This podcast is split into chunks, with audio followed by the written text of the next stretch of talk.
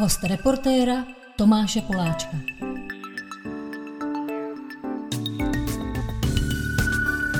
Další host reportéra v Truhlářské ulici je pro Čechy málo Čech, pro Rusy málo Rus. Ahoj maniaku. To, to, je, to je super úvod. Z Brna, z Brna přijel uh, můj oblíbený rapper ty mladší generace, Maniak. Oblíbený taky proto, že se jako hrdě hlásí k mým vrstevníkům, k otcům zakladatelům, takže pravidelně si navzájem hostujou. Pro lidi, co trošku to sledují, tak třeba oni to vědí, že dvě věci máš na posledním Orionovi Aha, a je to naopak, že na tvý desce zase ti hostujou PSH a Indy a dělal to s tebou Vič. Takže... A dvakrát je vlastně Orion u mě, že jo? Dvakrát u tebe Orion, takže na to, že jsi o 15 let mladší než tyhle kluci, tak s nimi docela držíš. Yes, to yes. se mi líbí. Já Dě, jsem tě děkuji teda za krásný úvod a pozvání. Uh, já jsem tě teda uh, pozval hlavně z toho důvodu dneska, který jsem zmínil úplně na začátek, že sám repuješ na té poslední svý desce docela nedávný, Černý kůň, se jmenuje, repuješ tady ten slogan, že pro Čechy málo Čech, pro Rusy málo Rus. Mm-hmm. A se k tomu jako často hlásíš, že jsi na půl Rus, dokonce jedna tvoje krátká deska, jedna tvoje EPčko se jmenuje Nech Rusa Flexit. Je to tak. Myslím, že i u toho Oriho tam něco říkáš, jako že vlastně nezáleží na původu a že eh, je vlastně jedno, že jsi eh, na půl Rus a tak. Takže no, tvoji uh, posluchači to vědí o tobě, že jsi z půlky Rus. Takhle, neříkám, že to je jedno, ale zdůraznuju, že to není ta věc, co ho rozhoduje o tom, jaký člověk je. Jo? Vlastně aj, aj ta deska Nech, ne, nech Rusa Flexit, Uh, Jenom pro ty lidi, co se nevyznají v hipopové terminologii, flexit znamená něco jako machrovat, že jo? Uh, dá se tak říct, no, hmm. dělat, dělat, dělat frajera. Hmm. Tak uh, tady je, tady je ta důležitá věc. Asi v, dneš, v, dnešnímu dat, v dnešním datu a k, k událostem, co se bohužel dějou, tak je důležité říct, uh, že uh, je velký rozdíl mezi uh, Rusama, Eh, ať už napůl, ať už normálníma občanema Ruska a, a tou vládou, co tam teďka momentálně Já myslím, je. že tomu se můžeme věnovat třeba půl hodiny, možná i 40 minut. Uh, je to tak, no. Po, po, ale... Kvůli tomu si jsem dneska přišel, Uh, pojďme do toho. Jo? Já na začátek jenom uh, řeknu, že sponzorem našeho podcastu je elektronický zařízení na zahřívaný tabák Glo. Kdyby si chtěl zapálit elektronickou cigaretu, tak můžeš. Nekouřím. Eh, nekouříš, dobře. A můžeme se do toho pustit. Takže maminka je... Ruska. Ruska. Z Omsku. Ano. Tak každýho sportovního fanouška hnedka napadne, jestli máš nějaký vztah k Jágrovi. Uh, Jediný moment v mém životě, kdy na mě Jagr reagoval, bylo uh, v Omsku na zápase Avantgardu, kdy jsem na ně něco zařval, že ej, čau Jardo a on na mě něco, že ej, čau vole. Fakt? Jo, jo, jo. Nějak tam procházel, já nevím, kde jsem přesně seděl, ale tuhle větu jsem řekl, nějak, jsem to jako, kolik, kolik mi bylo let, tak dá to mě. No může 15 let to, zpátky no, to, třeba, že? To už je třeba 15 mohlo být. No, to, to, to mě bylo ještě míň, a, ale zhruba nějak tak tak jsem tam jak nadšený dětský fanoušek zařval, e, čau Jardo, a on se, on jako zaregistroval tu češtinu a, a odpověděl čau vole, takže vlastně Jágr je můj nejlepší kamarád. Kolik eh, času svého života si strávil v Rusku nebo v Omsku? Uh, moc, moc ne, moc ne, jako jezdil jsem tam hodně jako mladý. Jo, mám, mám Mladý jsi pořád, jako eh, dítě jako, nebo dospívající kluk. Přesně tak, eh, jak, jako úplný, úplný dítě. Mám, mám krásné vzpomínky na, na, na dětství, vlastně na, na tu část dětství, co jsem tam různě trávil po prázdninách a jo, já přesně nevím kdy. Takže jako malý jsem tam fakt trávil poměrně dost času a teď se tam prostě podívám jednou za pár let. No, uvidíme. Když se tam příště podíváš, ještě aby jsme to zorientovali, tak Omsk je vlastně kousek nad Kazachstánem, nad východní částí Kazachstánu, už je to Sibiř. Je to tak, je to tak. A lidi mají takové představy, jako že to je něco třeba nehostinného, je to velké město, je to jako docela moderní město. No, jako myslím si, že počtem obyvatel je to zhruba Praha, ne? 1,4 milionů, 1,5 zhruba. Hmm. Hmm. No a já jsem si tě pozval taky proto, že já jsem strávil, byl jsem v Omsku a strávil jsem v životě možná dva měsíce na cestách Ruskem a stalo se mi to, že jsem si Rusko strašně oblíbil. A proto ten poslední týden, kvůli tomu, co se děje eh, v mezinárodní politice, je to pro mě jedno z největších životních zklamání, protože vlastně obrovskou energii jsem věnoval tomu, že jsem všem svým kamarádům, lidem z okolí vždycky říkal, ať eh, nemluví hnusně o takzvaných rusácích. A vysvětloval jsem, že to jsou vlastně z mýho pohledu bezvadní lidi a tak že se jich není potřeba bát, takže ten poslední týden je pro mě v tomhle ohledu strašný. No. A věřím tomu, že ještě mnohem horší je to pro lidi tvýho typu, že to není jo, žádná sranda vlastně. Ale to, to, to můžu navázat vlastně, eh, co jsem říkal na začátku před reklamní pauzou. Nekuřte. a to je ta věc, co fakt víc než kdy jindy potřeba, potřeba zdůraznit, no, že uh, Začnu citací Dimitri Gordona, což je vlastně novinář, nevím, jestli ho znáš, hmm. z Ukrajiny. Teď momentálně se nachází v bombardovaném Kijevě. A on uh, dělá nějaký live přenosy z Kijeva, z místa, kde se nachází momentálně. Zajímavé rozhovory, různé proslovy, kde se adresuje i k Rusům, ke Kazachstáncům taky, i k, sam, k Ukrajincům samozřejmě víc než ke komukoliv jinému. A on tam zdůrazňuje jednu věc, kterou zdůrazňoval vždycky před začátkem konfliktu, že miluje ruskou kulturu, jazyk, architekturu a, a nesnáší momentální vládu, co je tam nastolená. Jo, takže očima žurnalisty, co je momentálně teďka v Kijevě, bych tohle z toho chtěl potrhnout, že fakt je potřeba dělat rozdíl mezi běžným občanem Ruska, ať už žijícím v Rusku, nebo někde v Evropě, nebo ani ne, ani ne občanem Ruska, může to být už člověk, co má jenom uh, ruskou rodinu, ruský vychování, jak já.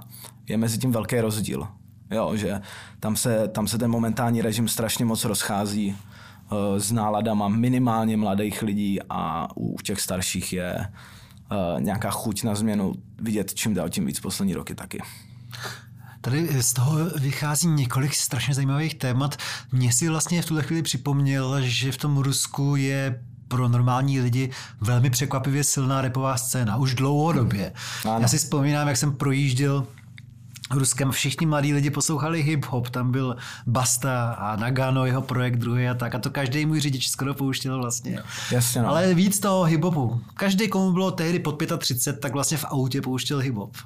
A já se nemůžu představit, že by drtivá většina hip-hoperů schvalovala třeba to, co eh, ten Kreml eh, vyvádí. Ale například tady, eh, to si fakt, já jsem o tom teďka mluvil na Instagramu hmm. nějakým způsobem, a mně to přijde jako normální záležitost, jelikož sleduju nějakou náladu ve společnosti v Rusku a náladu právě na scéně mezi hudebníkama převážně sleduju rapery.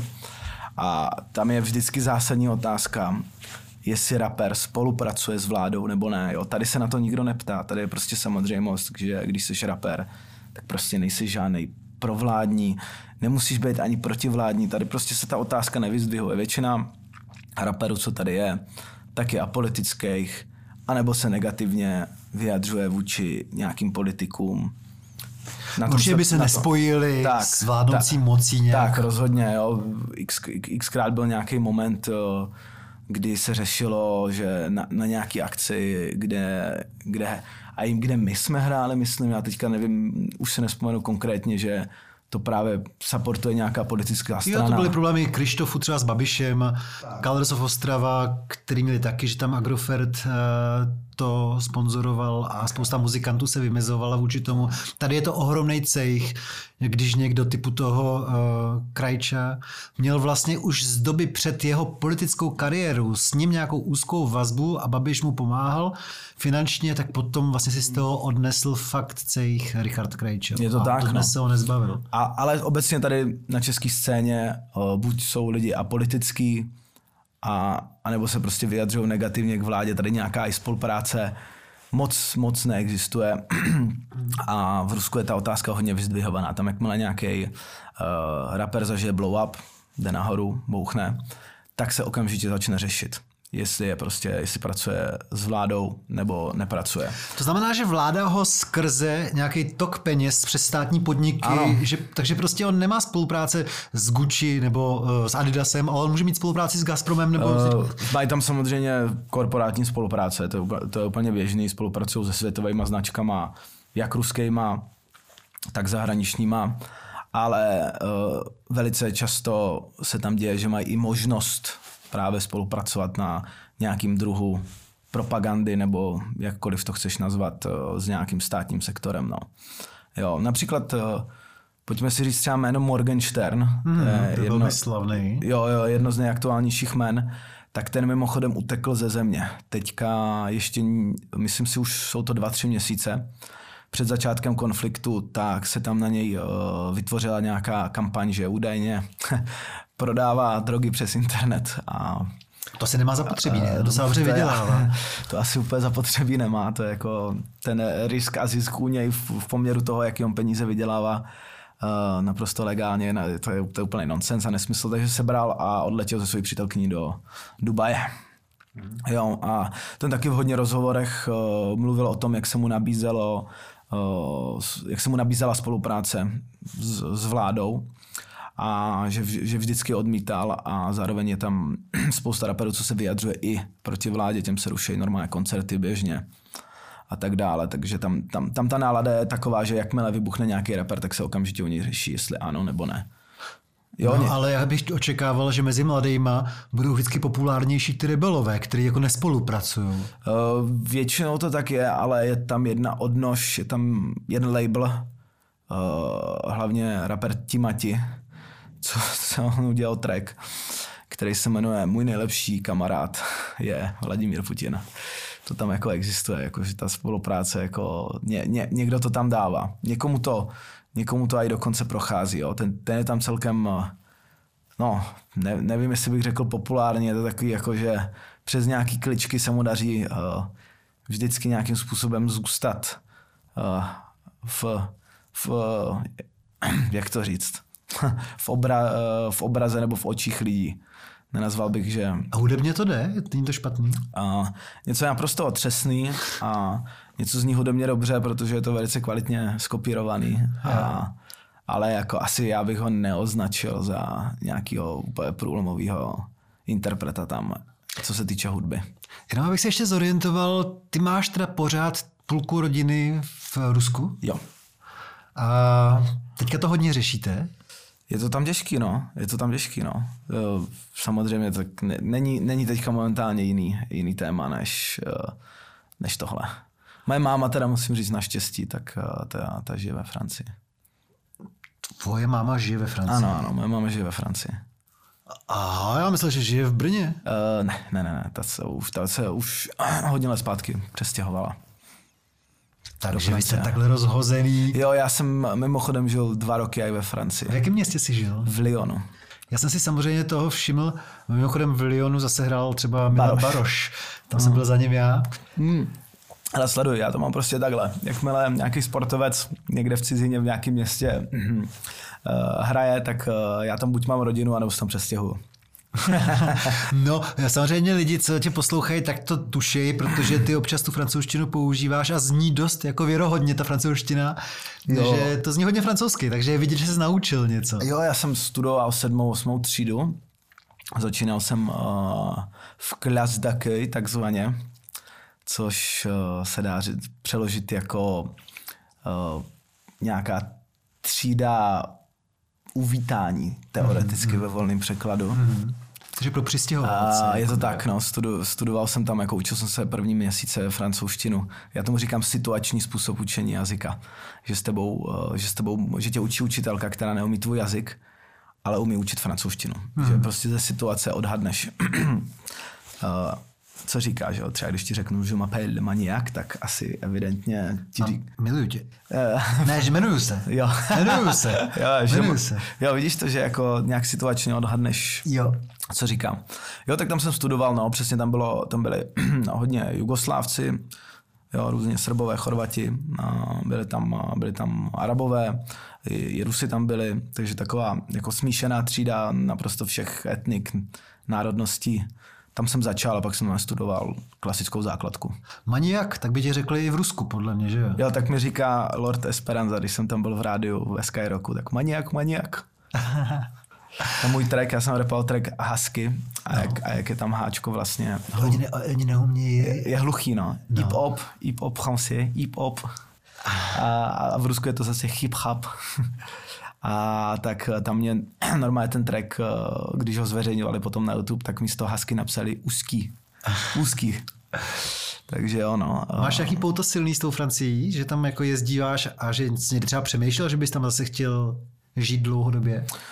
Žít asi ne. Žít asi ne. Na mě to je asi moc byrokratická země, mm, mm. ale opět eh, já miluji jazyk, francouzština. Já budu, já budu citovat teďka uh, jednu, jednu postavu z Matrixu. Mm, teď si nespomenu, jak se jmenuje. Uh, francouzština, francouzský jazyk je jako si utírat hedvábím prdel. Hmm. Takhle, takhle to zní ten jazyk. Já můžu říct úplně nejhnusnější věci teďka ve francouzštině a bude to znít, jako bych ti říkal, když vidím tvé hedvábné vlasy, tak se rozplývám. Jo, celá francouzština je prostě, to je hedvábný jazyk, bych to nazval. Takže já miluji jazyk, uh, miluji místní kulturu, architekturu. Uh, francouzská hudba uh, Taky silná scéna hipová, že Vždycky byla, vždycky hmm. byla. Jedna z nejsilnějších evropských scén. Takže to mě hodně inspiruje třeba. Řekl bych, že možná francouzská hudba mě inspiruje uh, o něco víc než uh, ruská. Ale to tak je dobrá prostě, jakože máš dobrý, že máš ty dva zdroje. Hele, jakoby uh, moje, moje nějakým způsobem, uh, uh, jestli můžu říct, uh, originalita nebo nějaký vývoj toho, abych se, abych se tolik neopakoval. Je jasný, že máš nějaký své postupy, které prostě opakuješ, tomu, tomu se nevyhneš a to je OK.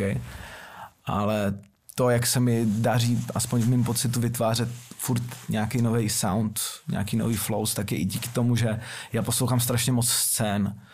Jo, Ameriku posloucháme všichni, to je jasný, ale právě pak mám období, kdy jedu strašně moc Francii, pak mám období, kdy jedu strašně moc Rusko, Ukrajinu, uh, kdy jedu, pak, pak jedu třeba Itálii, jo. V Itálii mají taky naprosto skvělý uh-huh. sound. Uh-huh. Německo, UK, jo, že já to strašně, strašně střídám a Uh, každá země, každý jazyk má trochu jiný přístup k tomu, jak to dělat a to mě myslím i inspiruje k tomu, abych měl širší rozhled uh, i ke své tvorbě. Hmm.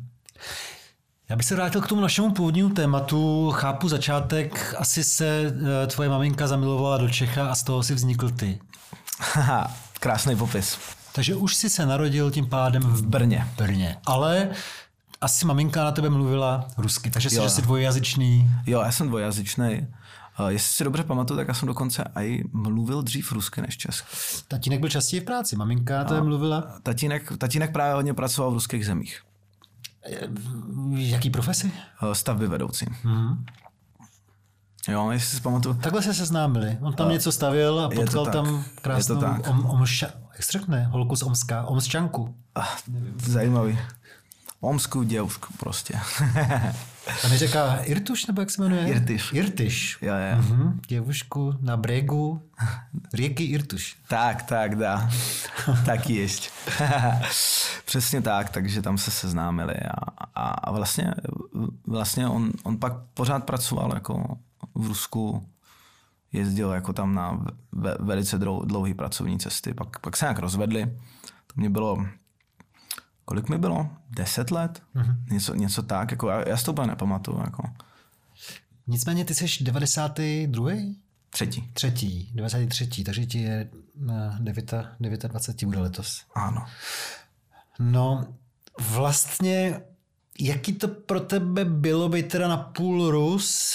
Ta doba byla taková už, že spousta lidí měla vůči Rusům nějaký připomínky a neměla je moc ráda. Na druhou stranu ty si mohl vždycky říkat a měl si český příjmení taky. Mm-hmm. Uh, ty jsi to mohl tajit, že jsi Rus, že? Já jako jsem nikdy neviděl to, důvod to tajit a mm, ta nálada vůči uh, rusky mluvícím lidem. Jo? Potřeba, potřeba říct, že to je tak, uh, taky paradox. Uh, to, je, to je vlastně úplně jedno, z jaký země seš, ale jak má seš rusky mluvící, tak nějaká antipatie z nějaké strany Paradoxní vůči Ukrajincům tím pádem. Uh, jo, jo, to je to, taky jako potřeba vyzdvihnout. Ke mně se dostala nějaká historka, nevím, jestli je pravdivá, že tady někdo uh, chtěl mlátit, dokonce jí zmlátil nějaký lidi teďka, uh, ruský, a pak další skupinku, která byla ukrajinská.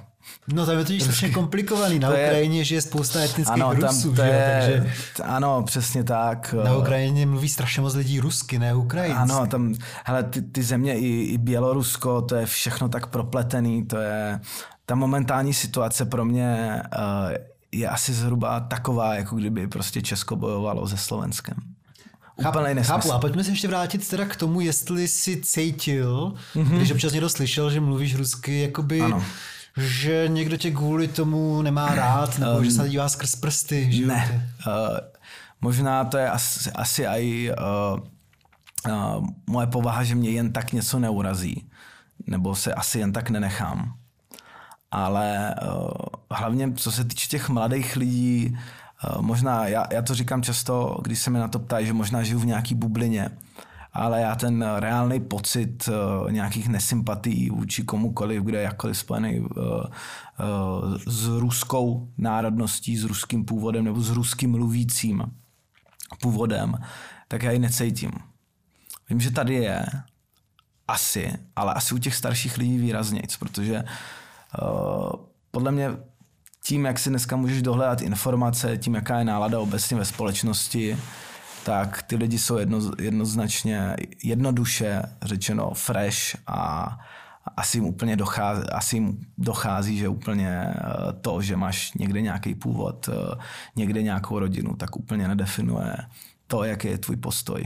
To moc rád slyším. Uh, byl jsi na to, že jsi teda na půl Rus jako spíš pišnej? Nebo měl jsi z toho jakoby radost, že to je do života plus?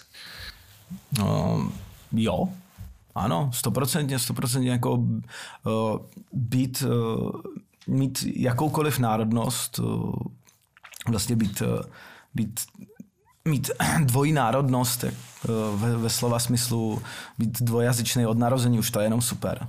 Umíš dva jazyky, znát dvě kultury, jo. Máš větší rozhled, na, umíš se podívat na svět z dvou úhlů, jo.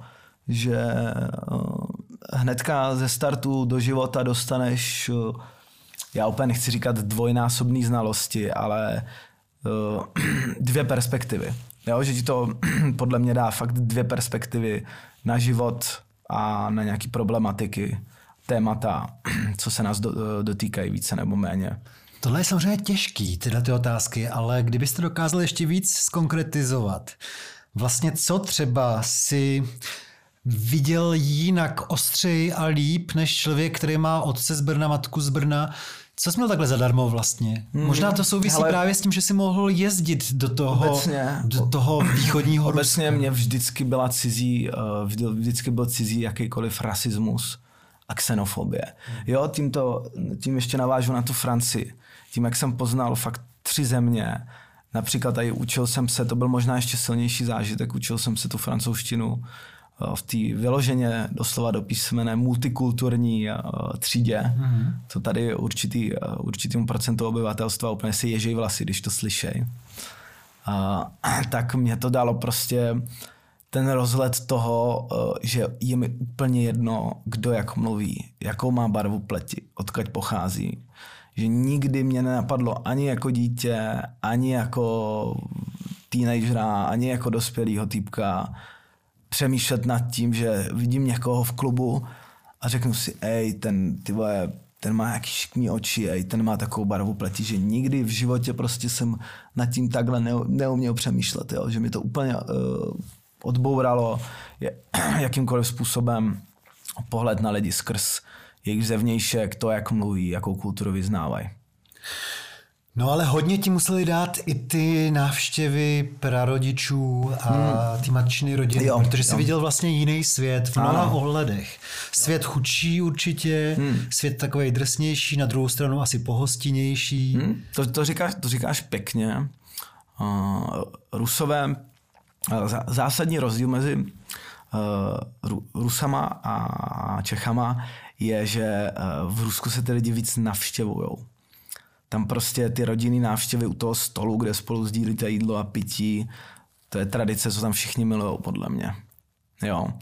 To je, tak, to je takové jako první věc, co mě napadá, tak jsou fakt ty hostiny rodiny, které jsme spolu měli, kdy Strejda Boris, buď mu země lehká, se mi snaží nabídnout, když mě bylo 15 let, prostě vodku, to je úplně...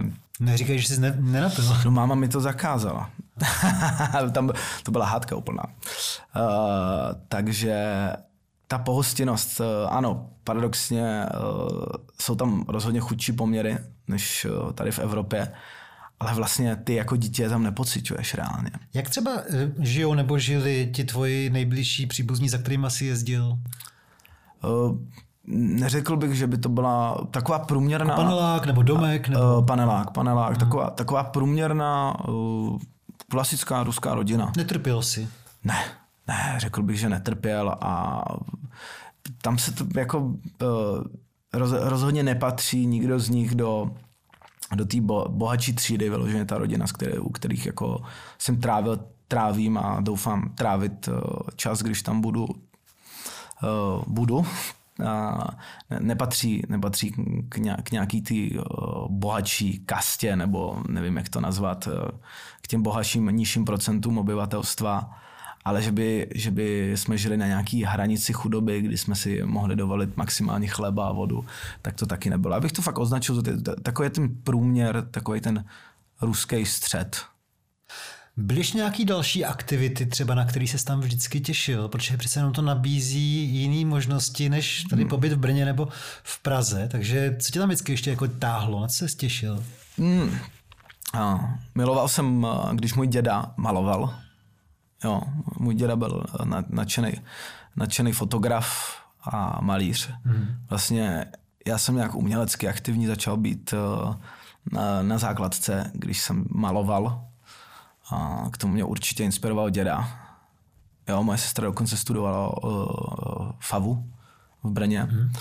A, uh, šachy s dědou je taky jako... Strašně populární hra v Rusku. Ano, ano.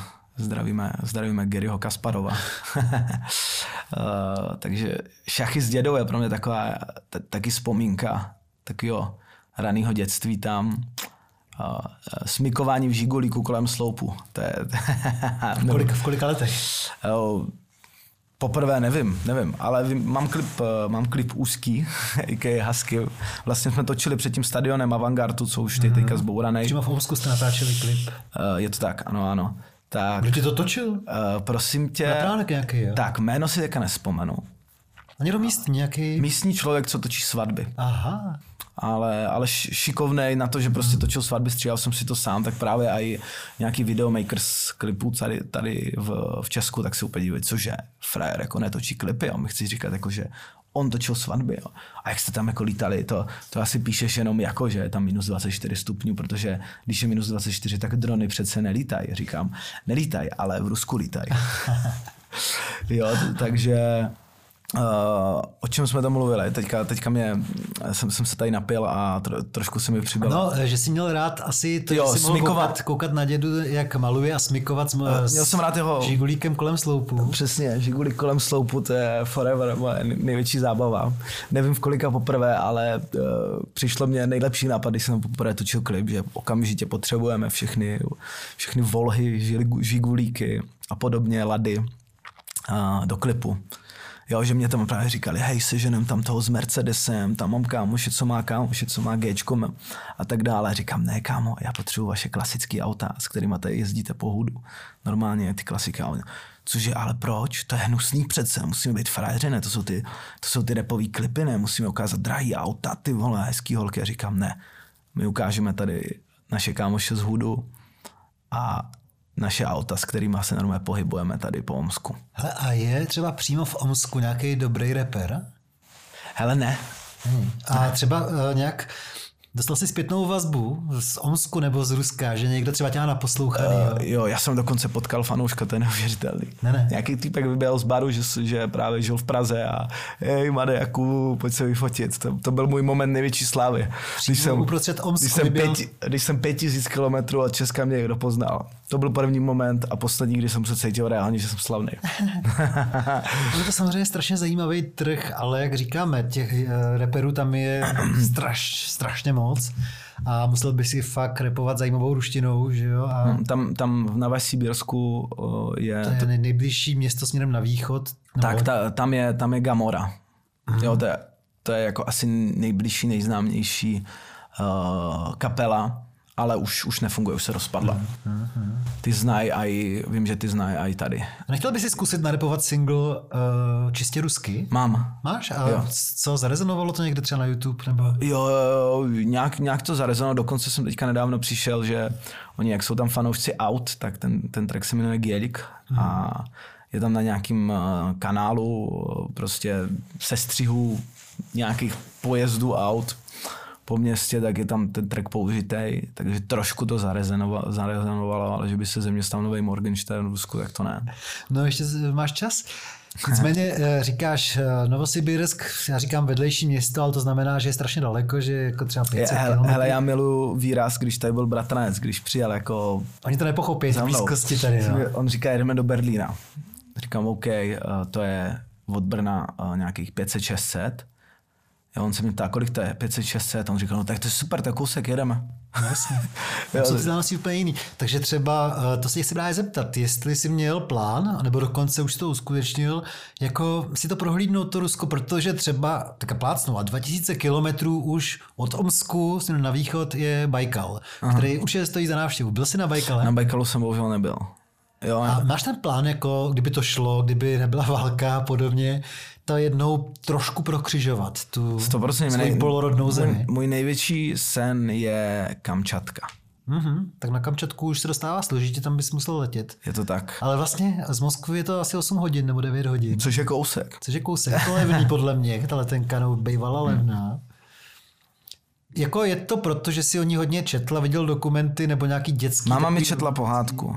Máma mi četla pohádku o rodině jednoho kluka s tátou, co se tam přestěhovali. Jako, jako malýmu. Tak Já mám teda obrovský štěstí, že jsem tam byl a musím říct, že to je jeden z nejkrásnějších koutů planety, který jsem viděl, protože vždycky říkám, ono je to jako Aljaška, kde byla spousta lidí, tam není tak těžký se dostat. Až na to, že tam jsou teda mnohem vyšší, dominantnější ty vulkány, který vidíš všude kolem Aha. sebe. A ještě tam jsou jako zbytky toho socialismu, což je super, protože na té Alešce je všechno takový strašně krásný, moderní, vymazlený.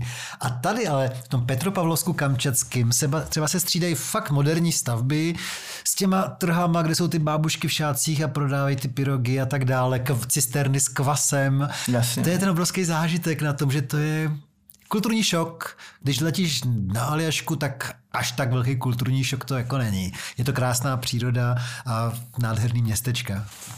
Je to tak, no. eh, Se tady napiju, ono hlavně obrovský kulturní šok je, eh, když seš turista, co navštíví eh, Rusko, tak se v drtivé většině případů podíváš do Moskvy a Petrohradu. do do, do Petrohradu.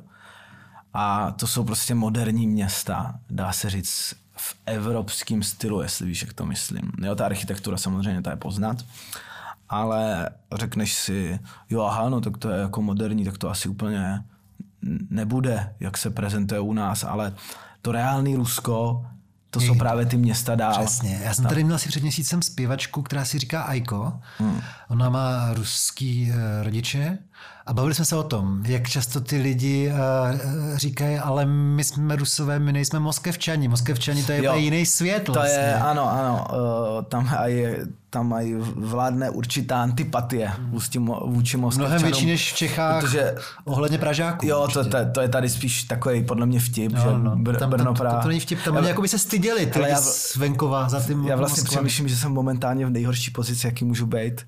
Já jsem polorus a ještě ke všemu z Brna. to, je, to už by bylo lepší, kdybych byl terorista. Ne, to byl vtip samozřejmě.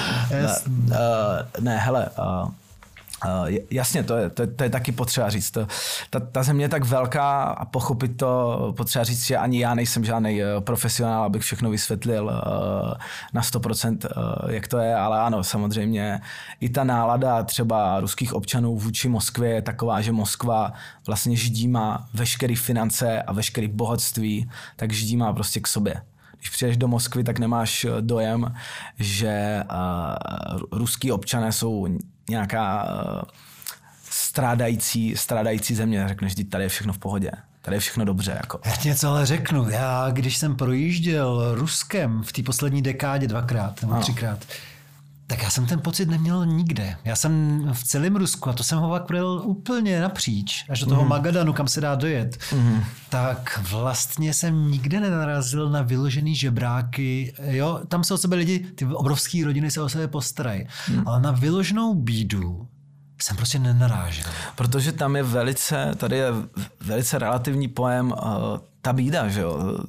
Tam tady občas v praxi vidíš co, ten výraz, že si vystačíš i s málem, že, jo? že nepotřebuješ být materiálně vybavený no, nejnovějšíma designers hadrama, nejnovějšíma iPhonama a tak dále, na to, abys byl bohatý. Takže jasně, v, tom, v tomhle z tom ohledu je tam často vidět, že bohatství není jenom v tom mít prostě poslední model úplně všeho. Flexit. Flexit, je to tak?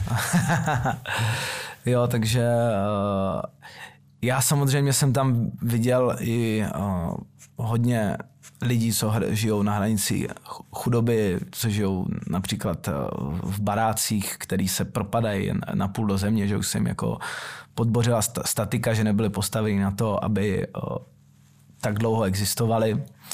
Ale ano, nějaký, že by to bylo, že by to byla úplně chudá, stradající země, tak jsem to nemyslel. Já jsem to myslel spíš tak, že uh, to bohatství je tam nerozdělený vůči, vůči Moskvě.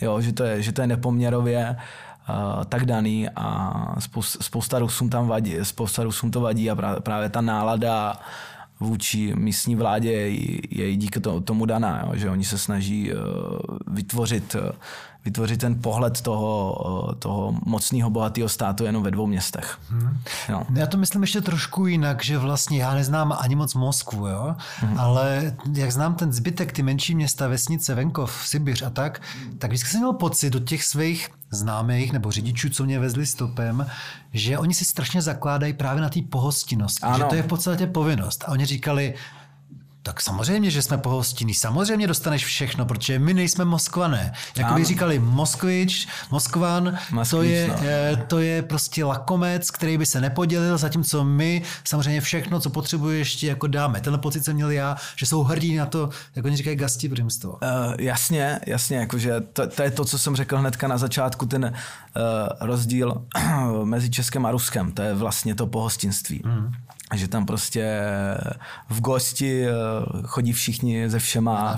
Oni, oni rádi vítají. Hele, je to třeba vidět, je geniální kanál uh, jednoho angličana, Bolton Bankrupt. Znáš ho? Mm-hmm. Doporučuji 100%. To je člověk, co projíždí právě tady tyhle ty velkou části světa, zapomenutý místa. Mm-hmm. A tam i lidi, co prostě nejsou materiálně tak nahoře, jak Evropani, tak chcou pohostit ty turisty, jo, jsou, jsou rádi, že za něma někdo přijel, jo, chovají se tam ve, s, s, s otevřenou náručí k těm lidem a jasně, ta, ta nálada, to ne, rozhodně nemáš dojem, že tam ty lidi jsou nějak jako chudý, drouby, znouzí, hele, nedám ti tady, nepozvu tě k sobě, sám mám málo. Jo, tam, tam rozhodně, uh, tam rozhodně není pocit, sám mám málo. Jo. Uh, uh. Nikdo se netváří takhle, jako já jsem takový chudák, co ode mě chceš. Jo, to... tam, hele, jakože lakomost. Je On prostě... by možná ten člověk i byl chudej, ale stejně to rozdá. Takhle tak, la, lakomost je rozhodně vlastnost, s kterou jsem se v Rusku snad nikdy nesetkal. Hmm. Štědrost. Hmm. Jakože, co bych, co bych vyzdvihl nějaký uh, charakter, rys, co mají společný rusové, s kterými já jsem se potkal, i teda potřeba zdůraznit pozor, v Moskvě já mám strejdu, ten, ten se ke mně choval vždycky naprosto skvěle. Jo. To je... To je druhá věc, to je rodina. Rodina je prostě něco ano. strašlivě silného v a... těch postsovětských republikách. Ano, ne, dokonce jako uh, má, mám, mám dojem, že, že, že i víc než třeba jako z mý zkušenosti s, s tou českou. Jo? No rozhodně. Jo. To se dá srovnat právě s muslimskou rodinou. Jakože to si za chvilku přece zvykneš na to, že vlastně Bratr může znamenat nějakýho bratrance z třetího kolena. To tak, hele, to tak přesně tam se vlastně neřeší, jestli jsi bratr, bratranec, bratrance z třetího kolena. Dvojrodný, sestry- trojrodný. Ta, tam to vůbec neexistuje, prostě brata nakonec, tečka. Jo, takže ten, ten charakter jako té štědrosti uh, bych vyzdvihl jako ten, uh, tenhle rys. Obecně, co já uh, jsem tam uh, vždycky poznával, ať už, uh, ať už jako úplný děcko, nebo v posledních letech, co, se, co jsem tam byl. Ale já k tomu musím říct právě to, že já vlastně vůbec nedělám rozdíly mezi Rusama, Ukrajincema, Kazachama nebo Arménama, Gruzinama. Ale to je, to je Pro pra- mě jsou všichni stejní. Hele, to je ten- Všichni jsou v tomhle tom, o čem se bavíme, úplně stejní a o to, o to těžší a smutnější je pro mě situace, Ano. jaká nastala. To je ten eh, problém a ve, velká tragédie uh, momentálního dění, že To jsou bratři mí- místní vláda, však to, to, to je retorika uh, Rusů, který teďka sledují, jak na to reagují. Že prostě Rusko napadá jít na bratry. Jo?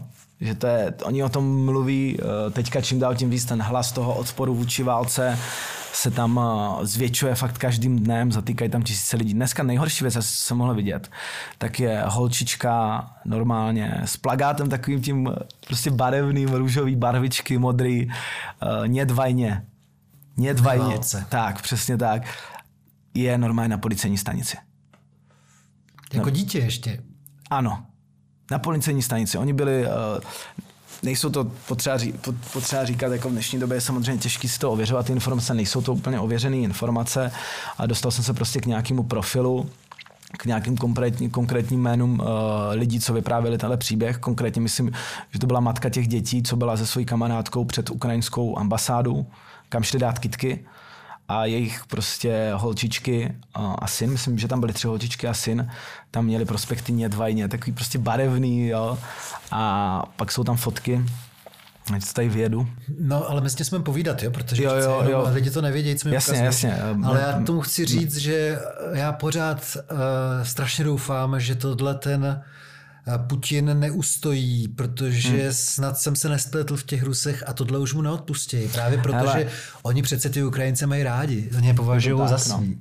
Jo, No já vidíš, to jak tady vidím, tam tak mě tady maniak ukazuje uh, ty fotky té holčičky, no tak uh, Jo, to je, to je úplně strašný a hele, to, co jsem chtěl vyzdvihnout, tak to je přesně ta nálada a ta neuvěřitelná tragédie, že to není ani myšleno s nadsázkou, ale doslova do, do písmene prostě ta vláda, co tam momentálně teďka je, tak zapříčinila to, že Rusové napadají na svoje bratry a není to jenom obrazně řečeno, ale někdo tam má doslova do písmene bratry.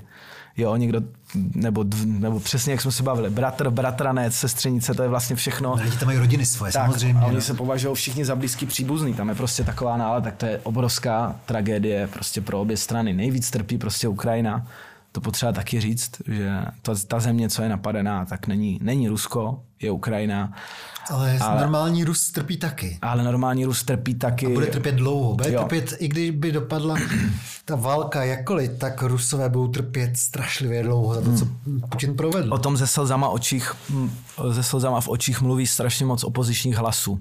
Jo? Já už nějak víc, no, někdy víc, někdy méně sleduju uh, nějaký určitý postavy uh, opoziční scény uh, v Rusku. Oni mluvili uh, proti momentálnímu režimu i před válkou. Mluví o, ně, o něm teďka, během války budou o, ně, o něm mluvit teďka. A o tom mluví nejvíc, počkej, teďka, teďka mě opět se, mi přerušil myšlenkový tok. Uh, co jsi říkal? No, bavili jsme se o tom, jak, bude, jak Rusové budou trpět mnohem Jo, díl, tak, až ta tak, válka tak, skončí. přesně, to jsem chtěl, to jsem chtěl říct. Potom Mě napadlo teďka trpět. seznam deseti věcí, vůči kterým budou trpět, ale ano, že oni říkají, že to je úplně strašný, jak budou trpět kvůli něčemu, co prostě nechtěli. Jo, kdyby, já jsem přesvědčený, opět, já nejsem žádný specialista, politolog, ne, nemáme ty čísla, ale já jsem přesvědčený, že kdyby někdo dělal referendum v Rusku, máme napadat na svoje bratry, Ukrajince, tak prostě obyčejní občan, občané, co mají hlasovací právo, prostě řeknou jednoduše ne. Jo. Doufám. Já no, tomu hele, já, já taky doufám. Samozřejmě uh, potřeba říct... Uh, Propaganda je strašně silná, nevíš. totiž a nějaká babička z vesnice 100 km za Omskem fakt neví vůbec nic. Hele, to já mám dobrou vzpomínku. Já jsem, a to se netýká Ruska, ale Kazachstánu. Já hmm. jsem eh, stopoval do Pekingu a hmm. jel jsem pouští ze severu na jih. A dojel jsem do nějaký oázy a tam byly nějaký dvě babičky a ptali se mýho řidiče Viktora i mě teda, Uh, Viktor byl z Rostova na Donu a no. vezl nějakým nákladě. Tam, tam je by the way Basta, jak si ho zmiňoval. Basta, no. Jo. Tam mám jednu takovou svoji písničku E, tavsio, što stále. Od Basty, jo posle miňa, takovou jako pěknou, mm. jako dojemnou. No. A to je jedno. Takže babičky se ptali, uh, kam se jako ubírají. A jsem říkal, na, v Kitaj, olympijské hry, jakože do Číny, na olympijské hry. Hmm.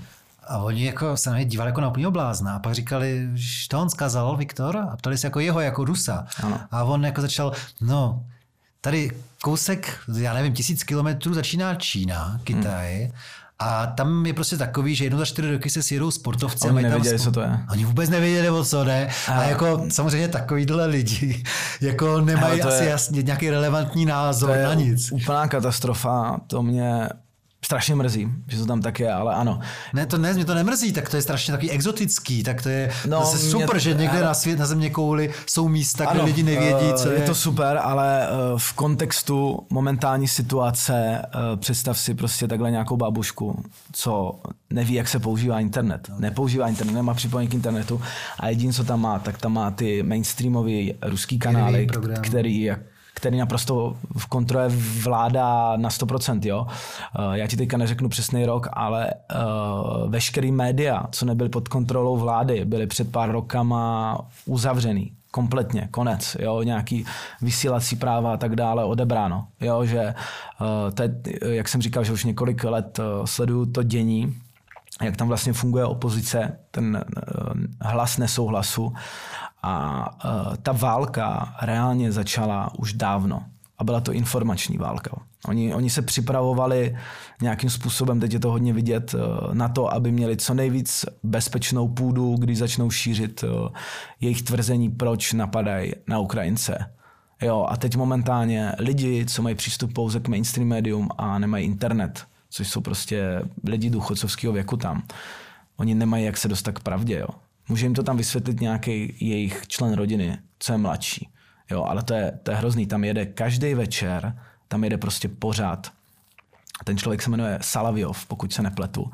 A má tam svůj pořád, kde jsou nějaký loutky, eh, ne vždycky vím, o koho se jedná, co non-stop eh, vlastně šíří tu propagandu a vysvětlují důvody teď momentálně, proč jsou ty Ukrajinci to špatný a proč je napadají.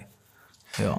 A, a zároveň, zároveň uh, tam šíří jako ten důvod, proč prostě se musí u vlády udržet Putin, proč on je vlastně ten jediný, kdo udrží to Rusko. Jo. Tam, tam je tam strašně, uh, ať už vědomě nebo podvědomě, uh, se snaží v lidech vyvolat ten pocit, že jakmile odejde Putin, tak Rusko končí. Jo. Což prostě... Samozřejmě, samozřejmě tohle je velmi silný argument, protože spousta lidí uh, vlastně ve strašně špatných barvách vzpomíná na Jelcina. Hmm. Pro ně se jako zlepšil diametrálně život po konci Jelcina a to je ten důvod jeho nadprůměrné Hele, zlepšil se možná první roky. Jo, možná, mo- možná dokonce první roky o, ta vláda nebyla úplně špatná, jo, ale to je prostě to nezdraví o, toho, když chybí ta demokracie a možnost si zvolit někoho jiného, když je někdo u vlády prostě moc dlouho. Pak ty lidi začínají mít dojem, že ví všechno nejlíp, ví všechno dobře, nikoho nemůžou nikam pustit a o, začnou prostě psychopaticky se držet toho svého trůnu, nepouštět nikoho jiného a reálně jednat spíš už jenom ve svých zájmech, než v zájmech místního obyvatelstva. No. No, tak hlavně já to myslel tak, že se průměrnému Rusovi výrazně zvýšila životní úroveň a po konci Jelcinu, Jelcina a po nástupu uh, Putina. Ano, v jeden moment, ale potom s tím, uh, s tím jednáním agresivním, který už trvá, myslím, od roku 2008, jestli se nepletu, To podle toho, kde bereš tu hranici, ale k tomu se možná vztahuje, protože tato hranice někdo bere kvůli konfliktu, který byl o Jižní Osety a který byl jakoby s Gruzí, hmm. ale uh, spíš Už je se to no, dostávám takový, k tobě- takový první milník toho fakt obratu. On, Spíš se dostávám k tobě, jestli, protože i mě upřímně řečeno to šokovalo. To, co se stalo teďka před těma 8-9 dny, já jsem si nepočítal. Tebe to šokovalo, nebo si to vlastně tušil, že jsem si tak, jo, může stát? Uh, uh, já to řeknu takhle, že jsem si spíš uh, svoje doufání uh, zmínil v myšlenku. Já jsem furt doufal, že se to nestane. A sám sobě jsem si namluvil, že se to nestane. Ale reálně dává naprostý smysl, že se to stalo. Jo, takže uh, ten den, co jsem se zbudil a stalo se to, to bylo naprosto otřesný. To, já jsem byl v totálním šoku, uh, já jsem, si, já jsem fakt říkal, to se fakt děje, jo. Fakt děje. A pak si dáš prostě pět a pět zpětně dohromady a vlastně ti dojde, že všechno, co já jsem tam sledoval, jo, celá ta nálada toho uh, rušení opozičních médií, uh, ať už onlineových, anebo televizních, celá ta propaganda toho, že Ukrajina a Západ je zlo, všechno ti to tak jako zapadne, že to najednou dává smysl, že k čemu jinému to asi mohlo výst, jo. Že, to, že oni to tam prostě připravovali, jenom my jsme prostě nemohli uvěřit, že v roce 2022 se fakt stane plná invaze Rusů na Ukrajince. Já jsem možná jakoby naivní, jo, a nejsem zdaleka takový insider jako ty, ale já se nemůžu zbavit pocitu, že on doopravdy zešílel, ten eh, prezident Uh, Putin. to já se nemůžu zbavit toho pocitu taky, jak říkám, já, jo, co, co chci zdůraznit, já, já nejsem politolog, uh, všemu 100% nerozumím, tomu asi nerozumíš ty, jo, já dávám jako takové, ani ty, že jo, 100% a vlastně konec konců ani politologové tomu nerozumí vš- všichni, uh, a, ale já mám taky ten dojem, že úplně zešílel.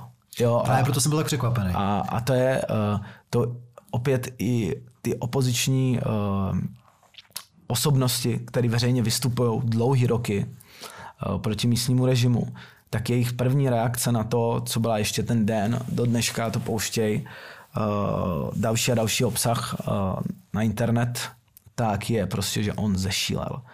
Že do posledního momentu prostě tomu nemohli uvěřit, že se to vážně stane. To je jakoby ta retorika no, té opozice, že fakt nemohli věřit že do posledního momentu, že se to vážně stane. Jo, bylo tam pár lidí, co říkali, hele, to se prostě stane, ale většina lidí je taky v šoku, že vážně probíhá.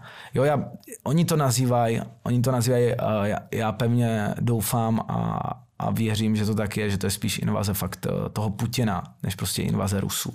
Hmm. Jo. Musí to tak být, protože jinak to bude opravdu pro mě životní zklamání. Pokud bych se ukázalo, že to má masivní podporu ze strany obyčejných hmm. lidí, tak to bych eh, úplně hodil ručník do ringu, že ničemu nerozumím. Hele, to já že já jsem díky tomu dopravnímu stylu, díky stopování, hmm. poznal z velmi zblízka, dejme tomu 200 Rusů, že jsem s každým strávil x hodin, hmm. u desítek z nich jsem spal. Já nemám milejší národ v podstatě, než jsou všechny tyhle postsovětské republiky, jo, protože já opravdu nerozlišuju mezi hmm. Ukrajincem a Rusem. Ale Hele, to, to já jsem vlastně mám spoustu kamarádů, teď si to uvědomuji víc než kdy jindy, že někteří jsou Ukrajinci, někteří jsou Rusy, já jsem to vůbec nerozlišoval, jo. Rusy i, Bě, i Bělorusko. To je taky další země, která eh, potřeba zmínit, jo. Bělorusko to taky skončilo hrozně. Oni se, oni se snažili potlačit eh, zmanipulované volby uh, Lukašenka, Jo, podle dostupných informací prostě jsou zmanipulovaný a skončili prostě ve vězení, zmlácení, znásilnění, někdo dokonce umřel a chvíli potom, co se jim teda nepovedl, ne, nepovedlo to potlačení, ten jejich protest, tak chvíli potom jsou tam uh, armády Putina a útočí od tam na Ukrajince. Já jsem měl takový lakmusový papírek, jak poznat Ukrajince od Rusa. Taky to vůbec nepoznám samozřejmě, protože když jsem eh, jel kolem světa, tak se vždycky ptali, kam vlastně jedeš. A já jsem říkal, že do Magadanu.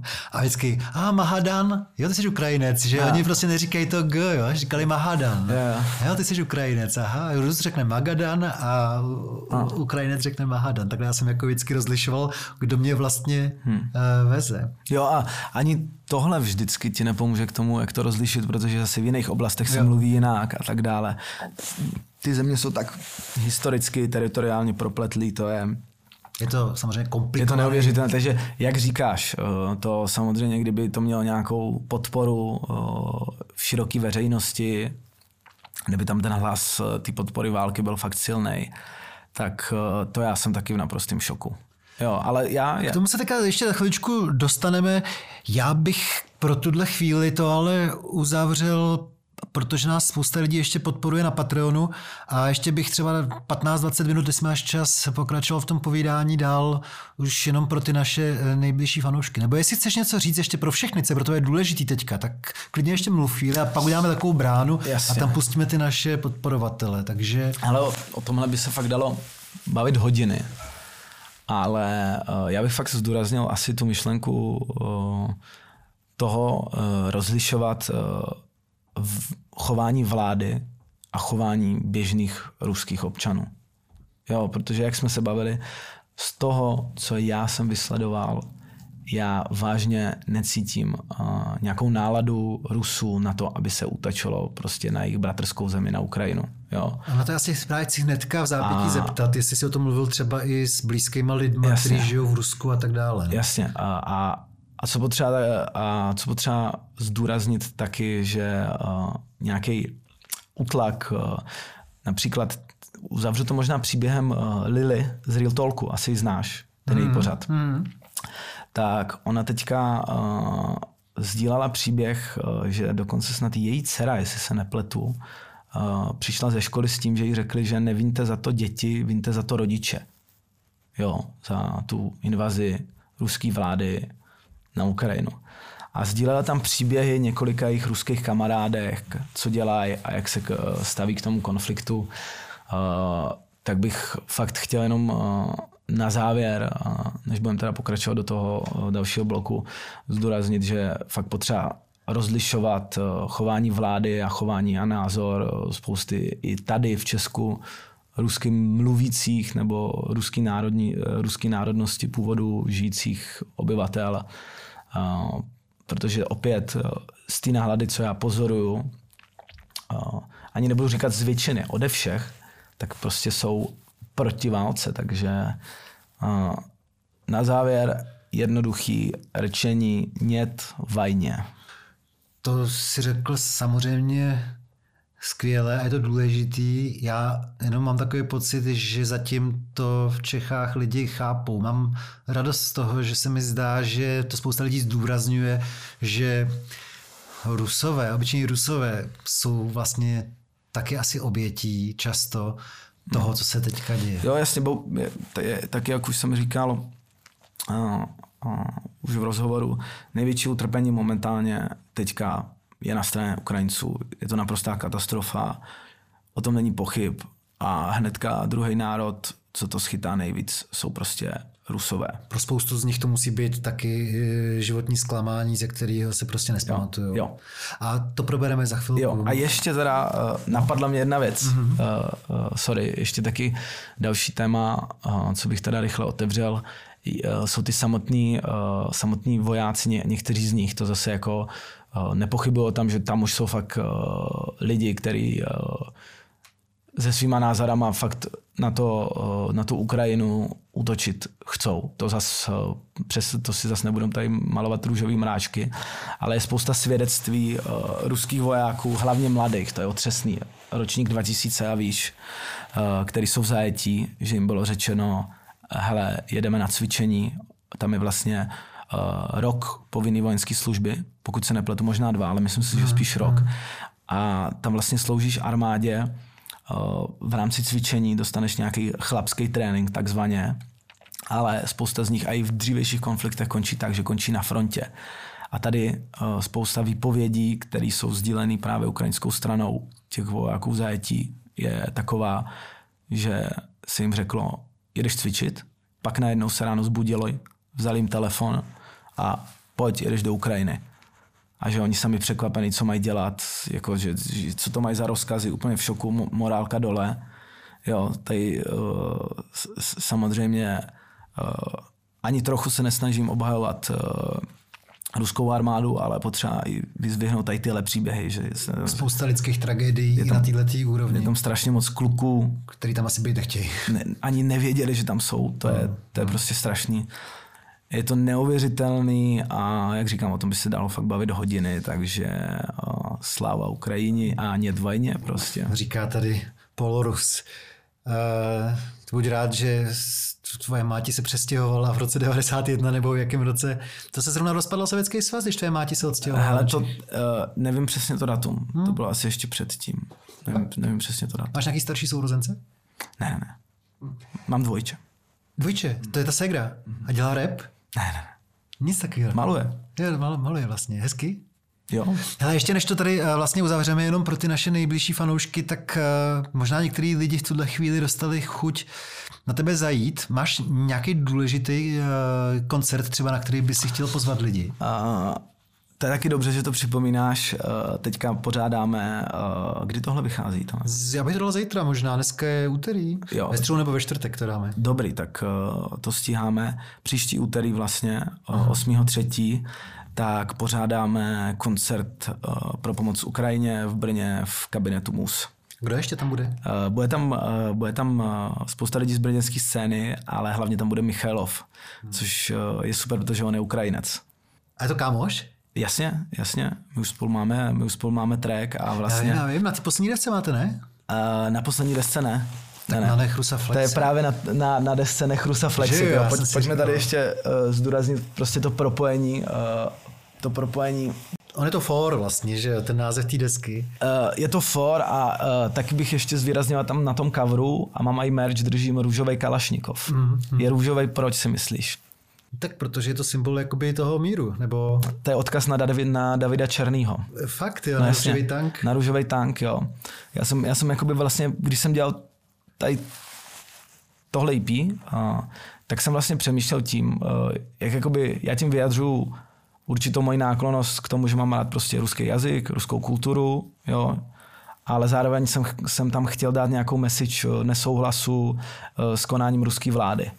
Tak eh, jsem se inspiroval vlastně dílem růžového ruského tanku Davida Černýho. Davida Černýho a vzal jsem růžov, ruskou zbraň a nasprejoval jsem ji právě v klipu Nechru se flexit na růžovo.